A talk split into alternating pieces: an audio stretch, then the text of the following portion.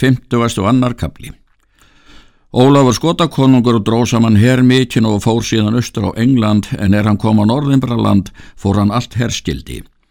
En er það spurðu jarlar er það réðu fyrir stefna þér saman liði og fara á móti konungi. En er þeir finnast var þar orusta mikil og laug svo að Ólafur konungur hafði sigur en góður ekkur jarl fjell en álger flýði undan og mestur hluti list þessir þeim hafi fyllt og brott komst úr bardaga. Fekk álger þá enga viðstöðu. Læði Ólafur konungur þá allt norðimbraland undir sig. Álger fór að funda aðalstins konungs og sagði honum ófara sínar. En þegar er aðarstinn konungur spurði að hér svo mikill var komin í land hans, þá gerði hann þegar menn frá sér og stemdi að sér liti, gerði orði örlum sínum og öðrum ríkismönnum. Sneri konungur þegar á leið með það lið er hann fjekk og fór í móti skotum. En er það spurðist að Ólafur skotakonungur hefði fengið sigur og hefði lagt undir sig mikinn hluta af Englandi, hafði hann þá hér miklu meiri en aðalsteinn, en þá sótti til hans margt ríkismanna. En er þetta spyrja þeir ringur og aðils, höfðu þeir samandreið lið mikið, þá snúast þeir í lið með Ólafi konungi, höfðu þeir þá ógrinni liðs. En er aðalstitt spurðist þetta allt, þá átti hann stefnu við þjóðhöfingja sína og ráðamenn, leitaði þú eftir hvað tiltakast væri. Sagði þá allri alþýðu greinilega það, er hann hafði frétt um aðtöp skotakonungs og fjölminni hans. Allir mæltu það reytum að Álger Jarl hafði hinn versta hlut af og þótti það til liggja að taka af honum tignina. En svo ráðagjör staðfestist að aðalstinn konungur skildi fara aftur og fara á sunnanvert England og hafa þá fyrir sér liðsapna norður eftir landi öllu því að þeir sáu ellegar myndi seint að sapnast fjölminnið svo mikið sem að þurfti ef eigidrægi konungur sjálfur að liðið. En sá hér er þá var þar saman komin, þá setti konungur þar yfir höfðingja Þóról og Egil. Skildu þeir ráða fyrir því liði er vikingar höfðu þangað haft til konungs en álger sjálfur hafið þá enn forráð síns liðs. Þá fekk konungur enn sveitar höfðingja þá er honum síndist. En er Egil kom heim haf stefnunni til félaga sinna þá spurðu þeir hvað hann kynni að segja þeim tíðinda frá Skotlands konungi. Hann hvað? Síðan gera þeir sendimann til Ólafs konungs og finna það til erinda að aðalstinn konungur vil hasla honum völl og bjóða orðstu stað í Vínheiði við Vínskóga og hann vil að þeir herji eigi á land hans en sá þeirra ráði ríkjum á Englandi er sigur færi orðstu. Laði til vikus stefum fund þeirra en sá býður annars viku er fyrir kemur. En það var þá siður þegar konungi var völlur haslaður að hann skildi eigi herja að skamlausu fyrr en orustu væri lokið. Gerði Ólafur konungur svo að hann stöðvaði hersinn og herjaði ekki og beði til stefnu dags. Þá flutti hann hersinn til Vínheiðar. Borgun stóð fyrir norðan heiðina. Settist Ólafur konungur þar í borgina og hafði þar mestan hlut liðsins því að þar var úti í frá heru stór og þótti honum þar betra til aðflutninga um föng þau er herrin þurfti að hafa. En hann sendi menn sína upp á heiðina þar sem orustu staðurum var ákveðin. Skildu þeir taka þar tjálstaði og búast þar rum áður herrin kæmi. En er þeir menn komi í þann stað er völlurum var haslaður, þá voru þar settar upp heslistengur allt til ummerkja þar er sá staður var er orustan skildi vera. Þurfti þann stað að vanda að hann væri sléttur er miklum herskildi fylgja. Var þar og svo er orustu staðurinn skildi vera að þar var heiður slétt en annan veg frá fjall ávegin en á annan veg frá var skógur mikill.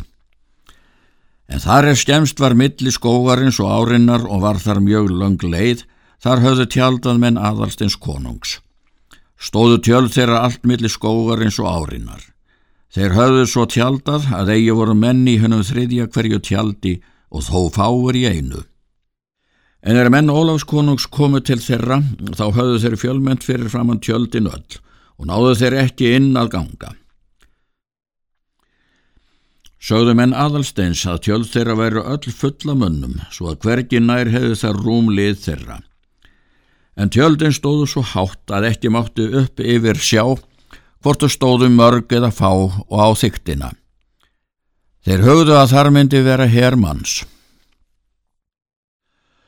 Ólafs konungsmenn tjölduði fyrir norðan höslunar og var þangað allt nokkuð afhalt. Aðalstinsmenn sögðu að annan dag frá öðrum að konungur þeirra myndi þá koma eða vera komin í borg þá er var sunnan undir heiðinni. Liði dróst til þeirra bæði dag og nótt. En ef stefna svo var liðin er ákveði var þá senda menn aðalsteins erindrega á fund Ólafs konungs með þeim orðum að aðalsteitt konungur er búin til orustu og hefur hér all mikinn, en hann sendir Ólafi konungi þau orð að hann vill eigi að þeir gerir svo mikið mannspell sem að þá horði til, bað hann heldur fara heim í Skotland, en aðalsteinn vill fá honum að vinardjöf stilling Silvurs að plói hverjum um alltaf ríti sitt og vill að þeir leggji með sér vináttu. En er sendiminn koma til Ólafs konungs, þá tók hann að búa hersin og ætlaði að ríða, En er sendiminn báru upp erindi þá stöðvaði konungur ferð sína þann dag, satt þá í ráðagerð og höfðingjar hers með honum. Lagðu menn þar allmisjamt til. Sumir fyrstum jög að þennan kost skildi taka, sögða að það var þá orðin hinn mesta fremdarferð að þeir færu heim og hefðu tekið gjald svo mikið af aðalsteini. Sumir löttu og sögðu að aðalstein myndi bjóða miklu meira í annars sinn ef þetta var eigi tekið og var svo ráðager staðfest. Þá báðu sendi menn Ólaf konung að gefa sér tóm til að þeir hittu enn aðalstinn konung og freystuðu ef hann vildi enn meira gjald af hendi reyða til þess að friður væri. Þeir byttu greiða einn dag til heimreiðar en annan til umráða en hinn þriðja til afturferðar. Konungur játaði þeim því. Fara sendi menn heim og koma aftur hinn þriðja dag sem ákveðin var. Segja Ólafi konungi að aðalstitt vil gefa allt slíkt sem hann bauð fyrr og þar umfram til hlutskiptisliði Ólafs konungs, skilling manni hverjum fyrir álspornum en mörg sveitar höfðingja hverjum þeim er réði tólumönnum eða fleirum en mörgu gulls hyrstjóra hverjum en fimm merkur gulls jarli hverjum. Síðan let konungur þetta upp bera fyrir liðsitt. Var enn sem fyrr að sumur löttu en sumur fýstu en að lyktum veitti konungur úrskurð segir að þennan kost vill hann taka ef það fylgir að aðalsett konungur lætur hann hafa Norðimbraland allt með þeim sköttum og skildum er þar liggja. Sendimenn byrja enn fresta um þrjá daga og þess með að Ólafur konungur sendi þá menn sína að heyra orð aðalstens konungs hvort hann vill eða eigi þennan kost. Segja að þeir higgja að aðalsten konungur myndi láta fátt við nema að sættin tækist. Ólafur konungur játti því og sendir menn sína til aðalstins konungs. Ríða þá sendi menn allir saman og hitta aðalstinn konung í borg þyrri er var næst heiðinni fyrir sunnan. Sendi menn Ólafs konungs bera upp erindi sín fyrir aðalstinn í konungi og sættabóð. Aðalsteins konungsmenn sögðu og með hverjum bóðum þeir höfðu farið til Ólafs konungs og þar með að það var ráðagerð vitra manna að dvelja svo orustu meðan konungur kæmi eigi. En alastinn konungur veitti skjótan úrskurðum þetta mál og segir sendumönnu svo. Berið þau orð mín til Ólafs konungs að ég vil gefa honum orlof til þess að fara heim til Skotlands með liðsitt og gjaldi hann aftur fyrir það allt er hann tók upp að raungu hér í landi.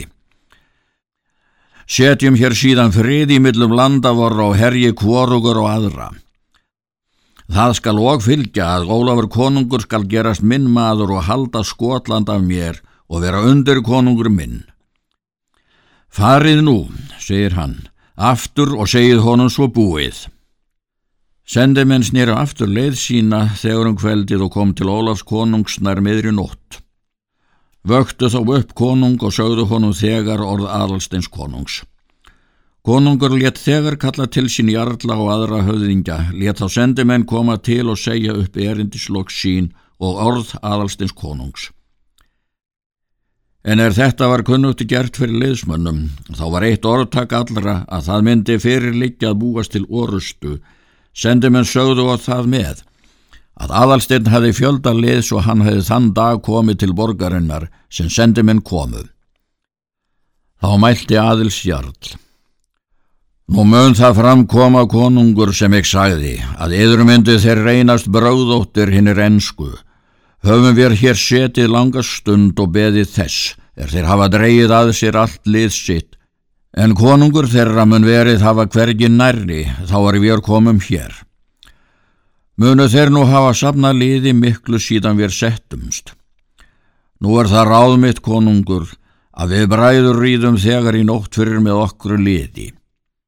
Má það vera að þeir óttist nú ekki að sér er þeir hafa spurt að konungur þeirra er nær með hér mikinn. Skulum við þá veita þeim áhlaup en er þeir verða forflótta, þá munu þeir láta lið sitt en ódjarfari síðan í atgöngu að móti oss. Konungi þótti þetta ráðvel fundið. Munum við er búa hervorn þegar er lísir og fara til móts við yður. Staðfestu þeir þetta ráð og lögu svo stefnunni.